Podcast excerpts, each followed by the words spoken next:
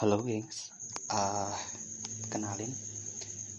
Pertama-tama perkenalan dulu ya biasanya Oke, nama gue Tata. Gue domisili sekarang di Jogja. Gue domisili di Jogja Udah sekitar lima tahunan ini. Dan di sini gue mau cerita nih. Jadi kan emang normalnya mahasiswa baru ya normalnya mahasiswa baru kita datang ke kota ke kampus gitu kan buat pendaftaran buat ini buat itu gitu kan. Terus kita cari kontrakan cari kos kosan gitu. Nah dulu itu gitu kan waktu pertama kali gue sampai di Jogja itu gue sampainya sebelum subuh gitu kan dini hari gitulah sekitar jam 3 kayaknya. Ya sekitar jam 3an jadi gue terus teman gue bokap sama bokapnya dia gitu kan. Jadi kita kan berempat gitu. Naik travel karena kita emang dari Sumatera gitu. Dari salah satu kota di Sumatera gitu ya. Dan uh, gimana ya?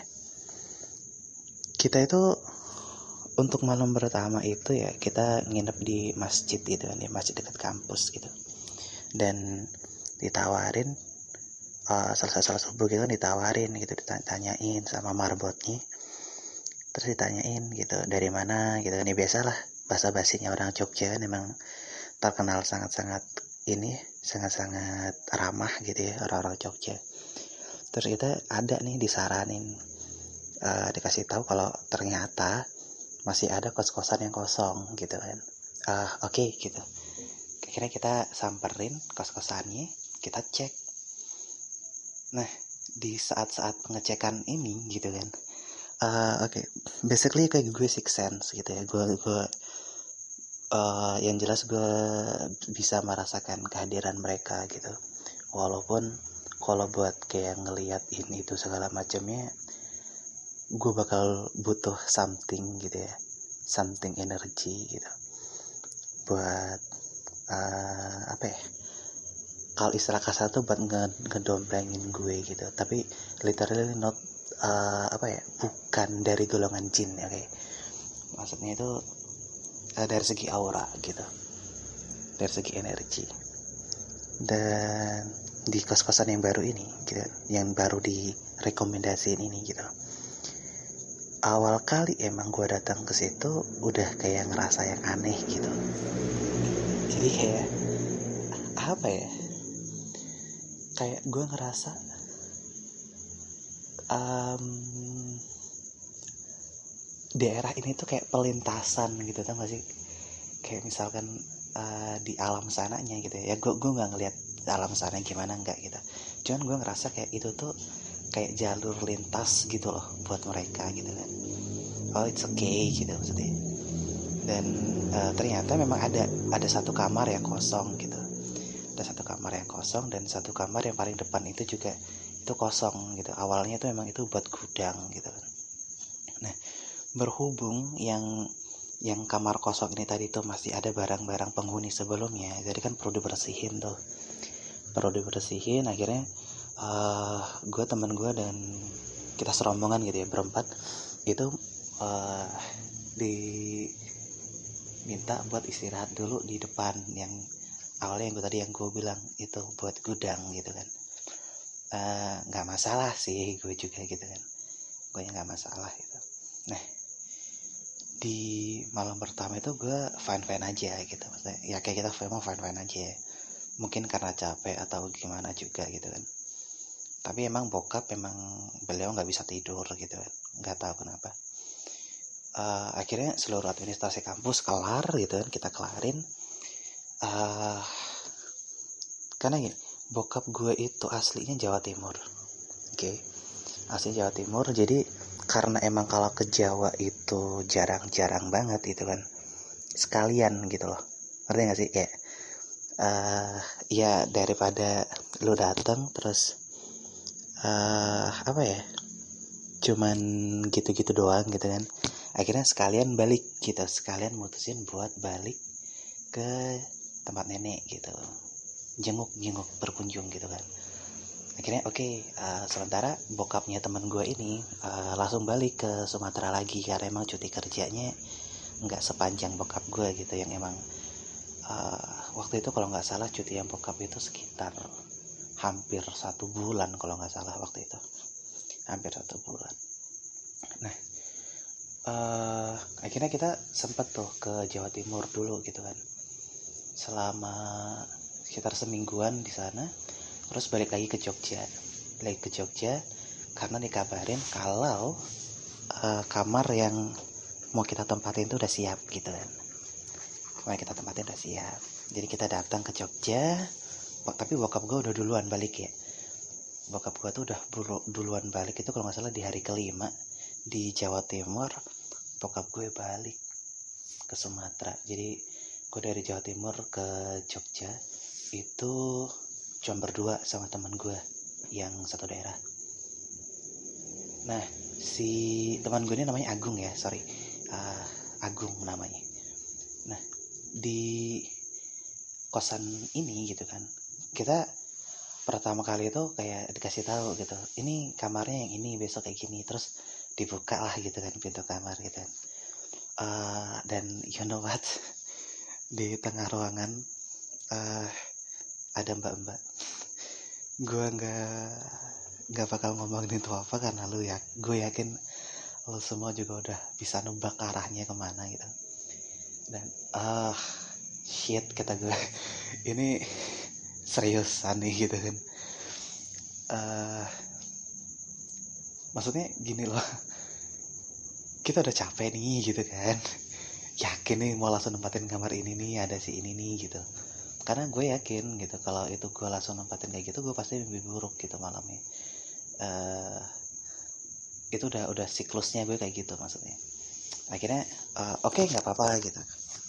Oke okay nggak apa-apa kita ambil kamar ini aja. Terus uh, cuman malam itu kita mutusin buat tidur di depan di kamar yang tadi yang awalnya kita buat gudang. Dibuat gudang itu kan. Nah kita mutusin buat tidur di situ dulu baru besoknya baru kita beres buat nempatin kamar yang baru. Kan baru ini cukup lumayan luas ya. Jadi kalau dari pintu dari pintu masuk kos-kosan gua itu sebelah kirinya tuh kalau di Jogja itu namanya burjo. Tau sih kayak kayak kayak warung-warung makan Sunda warmindo gitu kalau di Jakarta gitu kan. Ya uh, kalau di daerah uh, sana tuh kayak warmindo gitu. Nah terus uh, seberangan sama pintu yang di burjo ini tadi itu kamar merangkap gudang yang sebelumnya gue tinggalin gitu sama temen gue terus maju lagi itu deretan sebelah kanan tuh ada tiga kamar. Ada tiga kamar berjejer gitu. Terus yang di sebelah kiri itu ada dua kamar. Jadi kan model kan kayak lorong gitu kan. Kayak lorong gitu nah uh, terus kalau kita lurusin terus ke belakang nih terus sebelah kiri ada lagi satu kamar. Jadi kalau di deretan itu tuh kayak kayak ada sekat gitu. Terus ada lagi satu kamar. Nah di sebelah kanannya itu juga ada satu kamar gitu kan.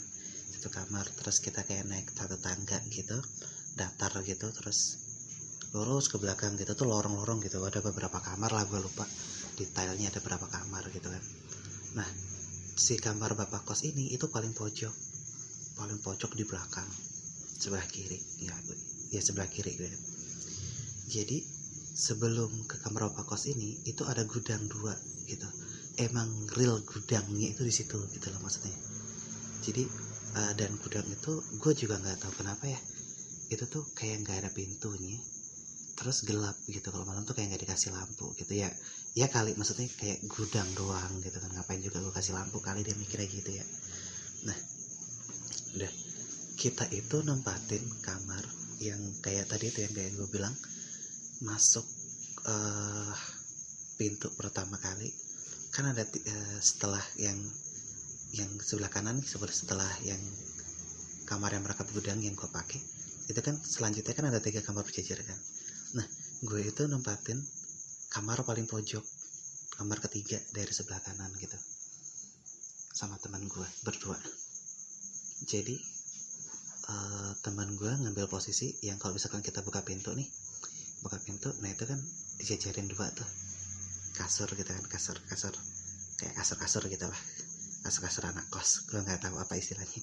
Jadi dia ngambil yang pas di depan pintu gue yang sebelah sininya gitu yang nggak langsung sama pintu gitu kan. Uh, karena gue sendiri ngerasa bakal aneh banget gitu ketika uh, lo buka pintu terus di tempat tidur lo gitu kan. Absurd banget gitu menurut gue. Nah akhirnya kita tempatin lah gitu gitu. Uh, sama seperti feeling gue di awal ya maksudnya uh, si makhluk-makhluk ini tuh dia nggak menetap di situ gitu. Tapi dia ini uh, apa ya istilahnya? Itu tuh jalur pelintasan gitu loh. Kayak kan kayak kayak kayak kayak jalan kita kayak lorong anggap aja lorongnya mereka gitu ya kan? Tapi emang se mereka baik sih maksudnya nggak nggak ganggu enggak gitu. Karena ya mungkin karena kita juga nggak macam-macam juga gitu kan di situ kan. Ya ngapain juga gitu. E, karena kalau bagi gua sih sebenarnya nggak ada makhluk yang lebih sempurna ataupun gimana? Enggak kalau bagi gua ya. Karena toh manusia yang kelakuannya kayak setan juga banyak. Dan itu juga nggak bisa gua sebut sebut nggak bisa diakui sebagai makhluk sempurna bagi gua gitu. Jadi semua makhluk menurut gua tuh sama gitu. Oke. Okay. uh, balik lagi beberapa malam gue nempatin kamar itu sama teman gue aman. Gak ada gangguan apa apa nih. Ya cuman kayak ya tadi kayak gue bilang gitu kan. Itu tuh pelintasan gitu kan. Nah karena kan karena kan gue dari Sumatera nih. Jadi gue kalau kayak sama mitos-mitos kayak gitu tuh jujur aja gue rada skeptis ya. Kayak gue kayak kayak gue nggak percaya gitu. Apaan sih kayak gitu kan. terus gue di ah, di kampus gitu kan. Ada nih anak-anak nih cerita tentang lagu Lingsir Wengi. Lu, lu pasti tahu lah ya kayak yang kayak uh, di di apa ya di film-film horor gitu kan. Padahal yang gua tahu sih sebenarnya lagu Lingsir Wengi ini tuh lagu romantis gitu. Maksudnya kayak lu ngerti gak sih kayak Lingsir Wengi sepi turung pisonendro jadi kayak kayak lu itu uh, yang gue tahu ya dari makna lagu ini adalah ini ini lu lu lu udah dini hari udah larut banget dan lu lu belum bisa tidur karena lu kangen seseorang gitu. Makanya kayak gue apaan sih orang-orang itu kayak aneh banget gitu kan? Ternyata ya ada dulu salah satu film horor gitu kan yang booming banget di Indonesia saat itu. Make salah satu lirik lagu ini di salah satu backsoundnya dia gitu uh, dan diyakini pas saat itu kayak ini tuh bisa ngundang makhluk halus lah gini gitu ya gitu kan. Ya karena kan gue nggak percaya ya. Karena kan uh, gue itu memang memang apa ya ter ter terbiasa ya sebenarnya. Terbiasa untuk berpikir logis gitu. Maksudnya lah apa hubungannya ini ini lagu romantis kok malah dikaitin sama kayak gini gini gini kan aneh gitu menurut gue gitu kan. Tapi lantaran emang guanya anaknya pengen tahu ya gue coba gue coba setel ini lagu gitu kan. Bener-bener gue coba setel malam-malam gitu. Jadi teman gue kalau nggak salah waktu itu dia ada tugas kelompok jadi dia keluar malam gitu. Nah gue di kamar nih sendiri pintu gue tutup baru sekitar jam 9 kalau nggak salah. 9 malam gitu kan. Gue udah ngerjain semua tugas-tugas gue gitu. Karena emang gue anaknya bukan rajin sih sebenarnya cuman lebih kayak ke males ribet aja gitu. Kalau misalkan deadline yang terlalu dekat gitu kan. Jadi tugas udah gue kelarin gue coba nih. Gue cari di YouTube gitu kan. Lagu Lingsir Wengi bener-bener gue coba gue masukin ke gue loudspeaker gitu. Gue pakai speaker. Biasa kan gue suka musik gitu kan wih itu selama lagu itu berputar gitu ya. Ya jujur aja sih gue percaya gak percaya ya. Berasa kayak aneh gitu suasana tiba-tiba aneh dan beneran beneran muncul gitu. Ya ya biasa gitu kan sih bapak yang pertama kali yang tadi gue ceritain pertama kali buka pintu itu muncul muncul dan yang biasa dia cuma lewat doang gitu tuh kayak lo tau gak sih kayak efek slow motion gitu loh. Jadi kayak seolah-olah tuh kayak dia menikmati banget ritme langkahnya dia gitu kan terus cara jalannya dia tuh eh bukan jalan sih ngambangnya dia gitu kan. Jadi setiap perpindahannya tuh bener-bener yang eksotis gitu apa sih? Yang berseni gitu bagi gue gitu ya. Karena kan ya aneh sih gue gue nggak ngerti istilahnya pokoknya kayak gitu jadi emang bener-bener yang yang apa ya dia pelan banget. Dia pelan banget dan berhenti dong di tengah ruangan dong. Itu gue bener-bener kayak anjir beneran ternyata lagu ini gitu terus akhirnya gue gue ambil bantal gue tutup kepala gue gue bener-bener takut banget saat itu gue tutup kepala, kepala gue gue tutup pakai bantal terus tangan gue cari ini cari-cari uh, space lock gitu kan gue, matiin itu ya. Laptop langsung gue tutup gitu kan langsung gue tutup. Dan uh, gue diem. Gue diem agak ada kayak kali-kali tiga menitan gitu.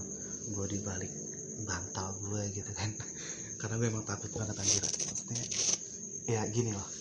Uh, sesering apa pun lo ngelihat makhluk kayak gitu ya tetap aja serem anjir serius. Maksudnya lo tahu dia bukan dari dimensi lo gitu kan. Mau kayak gimana pun pasti ada rasa takut itu gitu loh. E, ya walaupun cara setiap orang untuk menyikapi rasa takut itu berbeda-beda ya. Kalau gue lebih ke cara yang seperti itu tadi gitu. Kalau gue gitu sekali lagi. Dan uh, selama selama di situ gue kayak cuma mikir anjir anjir perasaan ini harusnya lagu romantis kenapa lu pada dateng sih? Maksudnya apakah se sekesepian itukah lu gitu kan? Ya gue juga nggak tahu sih. Maksudnya eh, katanya sih katanya apa lalu kayak gitu tuh emang dulu pernah hidup dan lain-lain. Kalau menurut gue sih jin ya. Gue nggak terlalu tahu gitu sejarah-sejarah kayak gitu. Apakah sebegitu gabutnya atau sebegitu sedihnya lo sampai-sampai lagu romantis kayak gini pun lo datang kayak gitu kan. Atau memang uh, apa ya alam bawah sadar gue gitu kan secara enggak langsung itu udah mengiyakan duluan kalau dengan lagu ini itu bisa kepanggil gitu loh. Tahu gak sih? Kayak itu tuh kayak settingan alam bawah sadar. Jadi ketika itu gue putar akhirnya apa ya akhirnya uh, hal itu tuh ter terekam gitu. Kayak itu tuh kayak, kayak bukan terekam apa ya istilahnya? Muncul muncul jadi jadi kenyataan gitu. Gue juga uh, yang gue yakinin itu sih dari uh, dari sisi psikologis kayak gitu sih. Uh, rekaman alam bawah sadar gitu. Sampai-sampai uh, itu tuh tervisualisasikan gitu. Gue nggak tahu gimana cara jelasinnya pokoknya dia kayak gitu gitu oke okay. akhirnya uh, begitu gue ngerasa udah udah mulai aman nih gue langsung lari. Gue buka pintu kamar gue benar-benar buka pintu kamar gue lari ke depan ke burjo kan. Tak gue duduk di sono. Nah si A burjo ini ketawa gitu. Ah uh, eh pakai bahasa Indonesia aja. Maksudnya ya dia ngomongnya pakai bahasa Sunda gitu. Kita biasa ngobrol pakai bahasa Sunda juga. Intinya kayak uh, lu nyoba lagu ini ya gitu. Iya jadi ya gue penasaran gitu kata anak-anak kan bisa begini begini. Begini sementara setahu gue ya itu tuh lagu-lagu romantis gitu kan. Ah, uh, cerita boleh katanya gitu. Ya sok aja gitu. Kalau mau cerita mah gue dengerin gitu. Jadi si AA ini gitu itu udah berapa tahun gitu di situ udah bertahun-tahun di situ dan dia punya banyak banget cerita gitu kan. Salah satunya ya di kamar yang gue tempatin itu gitu. Jadi emang menurut dia uh, sama gitu perasaan kita. Itu tuh pelintasan gitu. Pelintasan yang memang uh, apa ya sering dipakai sama makhluk-makhluk kayak gitu buat lewat gitu kan. Dan salah satunya ya si mbak-mbak itu si mbak itu. Cuman uh, dia juga bilang gitu si mbak ini tuh baik gitu ya sama yang kayak gue rasain. Maksudnya dia tuh memang benar-benar sosok yang baik gitu bukan yang apa ya bukan yang keluar dengan wujud menyeramkan dan lain-lain enggak gitu. Karena uh, balik lagi kalau gue selama kita bisa menghargai makhluk apa pun itu gitu mereka juga akan merespon itu dengan menghargai kita gitu. Uh, ya mungkin ini salah satu ideologi yang pengen gue share gitu ya ke orang lain gitu. Yang selama ini gue tahu gitu ya. Jadi uh, makhluk ini tuh akan muncul di saat-saat tertentu gitu. Saat-saat tertentu kayak uh, entah sengaja ataupun enggak gitu kan. Makhluk ini sering kelihatan gitu. Dan pusatnya itu adalah di gudang belakang gitu katanya. Ah ngaco ah gitu. Eh sok ah kalau emang nggak percaya mah cobain aja gitu lu gila kata gue kan. Apaan sih? Gitu gue itu maksudnya gini dengan dengan dia bilang kayak gitu kan otomatis kan apa ya itu kan kerekam di di, di pikiran gue gitu kan. Itu masuk ke salah satu kebagian doktrin ke gue gitu kan. Jadi gue yang biasanya biasa-biasa aja kayak anjir kenapa lo harus ngomong kayak gitu? Gitu. Sementara gue itu orangnya sangat-sangat sangat apa ya kalau orang ngobrol ngomong sesuatu itu tuh langsung masuk ke alam bawah sadar gue gitu. Jadi kayak otomatis tuh ya otomatis tuh kalau yang kayak gue alamin gitu setiap gue dengar orang cerita apa pun itu bukan hanya tentang tentang hal-hal seperti itu ya itu seolah-olah tuh kayak kayak kayak gue ada di sebuah tempat di mana uh, ada sebuah ruang ada atau, atau tempat gitu di mana apa pun yang dia omongin itu akan akan divisualisasikan ke situ gitu.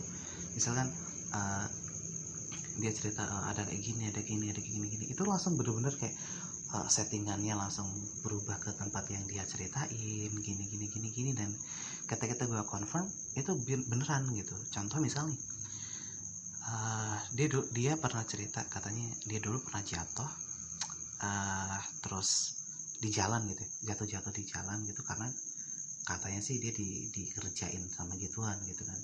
Itu bener-bener langsung kayak gue masuk ke sebuah tempat di mana gue ngeliat jalanannya gue ngeliat dia lagi bawa motor terus apa pun yang diceritain gitu kayak uh, si makhluk yang ada di sana tuh wujudnya begini begini begini begini begini gitu kan. Cuman uh, kadang nih kadang ada beberapa miss gitu. Misalkan kayak eh lu sebenarnya ngantuk gitu. Loh lu sebenarnya dalam kondisi itu lu udah dalam kondisi yang ngantuk. Jadi lu kurang fokus dan uh, lu rada oleng gitu loh dan lu jatuh. Jadi si makhluk ini ada di situ cuman dia emang nggak ngebuat lu jatuh gitu. Itu human error gitu cuman karena memang udah kebiasaan yang tertanam di masyarakat kayak ah lu digangguin sih gini gini gini gini gitu. Jadi otomatis si makhluk ini jadi si tertuduh gitu itu beberapa kali gue sering ngalamin hal kayak gitu gitu kan. Dan ketika gue confirm kayak uh, ah sorry itu kejadiannya jam-jam segini bukan? Gitu kan. Uh, iya sih ah gitu. Dan sebelumnya nggak tidur kan. Habis nongkrong kan sama temen-temen. Iya. Nah kalau menurut gue sih ah itu bukan karena gangguan makhluk kayak gitu bukan. Cuman emang lu nya kecapean gitu loh. Lu nya kecapean bawa motor dan oleng jatuh kata gue uh, karena itu yang yang yang ruang hampa apa ya ruang kosong. Eh, itu ceritakan gitu loh yang divisualisasikan divisualisasikan oleh ruang kosong itu gitu kan. Nah eh, balik lagi ke cerita tadi berhubung berhubung si AA Burjo ini cerita kayak gitu otomatis pikiran gue tuh langsung memetakan seluruh kos dong termasuk ke ruangan yang gini gini gini gini dan lain-lain gitu kan. Dan ya makhluk itu kelihatan gitu. Di ruang itu ya di ruang yang gue gitu. Tapi ketika uh, eh, gue di posisi gue di di di di, di realnya gue ya gue nggak ngeliat sama sekali gitu. Ketika gue lewat atau apa pun ya enggak gitu kan. Cuman ya buat confirm aja oh emang ada di situ gitu.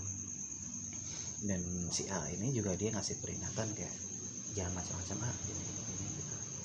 Ya gue pribadi bukan berarti gue pengen macam-macam atau gimana enggak gitu. Karena emang dasarnya gini yang gue tahu ya dari lagu Lingsir Wangi itu itu adalah lagu yang romantis gitu loh. Gimana gimana gak romantis coba? Lu nggak bisa tidur. Lu nggak bisa tidur sampai larut malam karena lu kepikiran seseorang kurang romantis apa gitu. Dan dan nggak nggak habis pikir aja kenapa itu bisa dikaitin dengan hal-hal mistik gitu bagi gue gitu ya. Jadi ya gue penasaran aja gitu pada saat itu. Emang iya sih gitu. Dan mungkin ya ya bukan berarti gue mengiyakan kalau lagu itu bisa memanggil makhluk tertentu enggak gitu. Yang gue yakinin adalah gue udah ke distract duluan gitu dengan cerita-cerita mereka-mereka ini gitu. Karena uh, gue sering juga akhirnya beberapa kali gue tes gitu lagu-lagu kayak gitu. Bahkan di tempat-tempat yang yang katanya gini-gini juga nggak ada apa-apa gitu. Maksudnya uh, emang emang karena apa ya? Karena gue baru denger cerita kayak gitu. Karena kan gue kan dari desa banget ya uh, di Sumatera gitu kan. Terus gue pertama kali sampai kota dan diceritain kayak gitu gitu gitu itu jadi sesuatu yang hal yang baru yang benar tertanam di gue gitu. Dan itu benar-benar kuat sampai bisa divisualisasikan gitu. Kalau menurut gue sih kayak gitu. Gue nggak ngerti deh maksudnya uh, dari segi keilmuan atau gimana pun gue nggak ngerti gimana maksudnya gitu kan.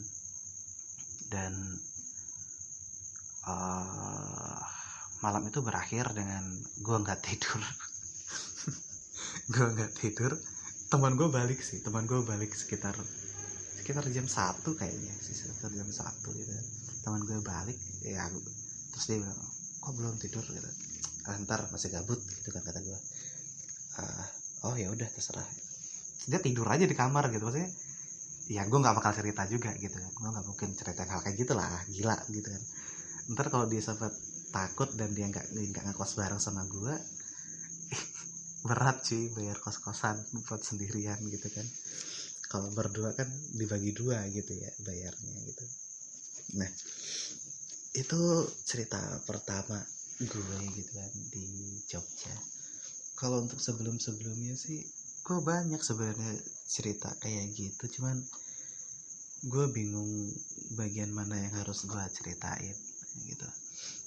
Uh, kayak kayak gue ketemu orang yang gak ada kepalanya gitu kan. Terus uh, eh, gue ketemu apa sih kayak kayak sosok werewolf kayak gitu gue juga pernah gitu kan. Di benar-benar telinganya yang benar-benar kayak werewolf lah lu, lu tahu werewolf kayak gitulah wujudnya gitu kurang lebih gitu kan. Terus yang yang lain-lain gitu bahkan di kamar gue dulu yang di yang di Sumatera ya itu juga ada mbak-mbak kayak gitu juga gitu. Cuma balik lagi gitu kalau menurut gue sih mereka-mereka ini memang ada dua tipe sebenarnya. Ada yang memang mereka itu auranya negatif dan positif tuh ada gitu. Sama aja kayak manusia gitu. Dan ketika lu bisa istilah apa ya, istilah simpelnya memanusiakan mereka gitu ya lu ngehargain mereka mereka bakal ngehargain lu gitu. Kalau menurut gue ya uh, seburuk-buruknya mereka gitu kan uh, nggak menutup kemungkinan kok gitu. mereka ada satu sisi baik yang bahkan lu nggak punya gitu jadi uh, kalau menurut gue sih setiap makhluk apa pun itu wajib kita hormatin wajib kita hargain keberadaannya kita nggak bisa yang namanya mendis apa ya mengecap sesuatu seseorang atau apa pun itu dengan cap yang buruk gitu. Kalau kita emang belum tahu sebenarnya dia kayak gimana gitu. Karena emang seburuk-buruknya makhluk pasti ada sisi positifnya dan sebaik-baiknya makhluk pasti ada sisi negatifnya gitu. Itu yang gue uh, yakini sampai saat ini gitu. Selama gue hidup ya 23 hampir ke 24 ini ya itu yang gue alamin gitu ya sebagai seorang six sense gitu ya. Bukan sebagai seorang six sense sih. Apa sih? Dengan orang yang punya sedikit kepekaan gitu. Saat itu saya gue bukan indigo gue gue bukan seorang indigo yang yang bisa gini gitu enggak gitu. Tapi apa yang gue alamin beberapa yang bakal gue share gitu kan. Siapa tahu bisa buat pengalaman buat kita semua juga. Oke okay, thank you banget udah dengerin cerita gue insya Allah gue bakal ngirimin cerita yang lain lagi. Mungkin ada yang mau di request atau apa pun itu ntar bisa gitu. Insya Allah coba. Kalau misalkan gue punya pengalaman atau punya pengetahuan tentang hal itu mungkin gue bisa share lagi thank you banget. Selamat malam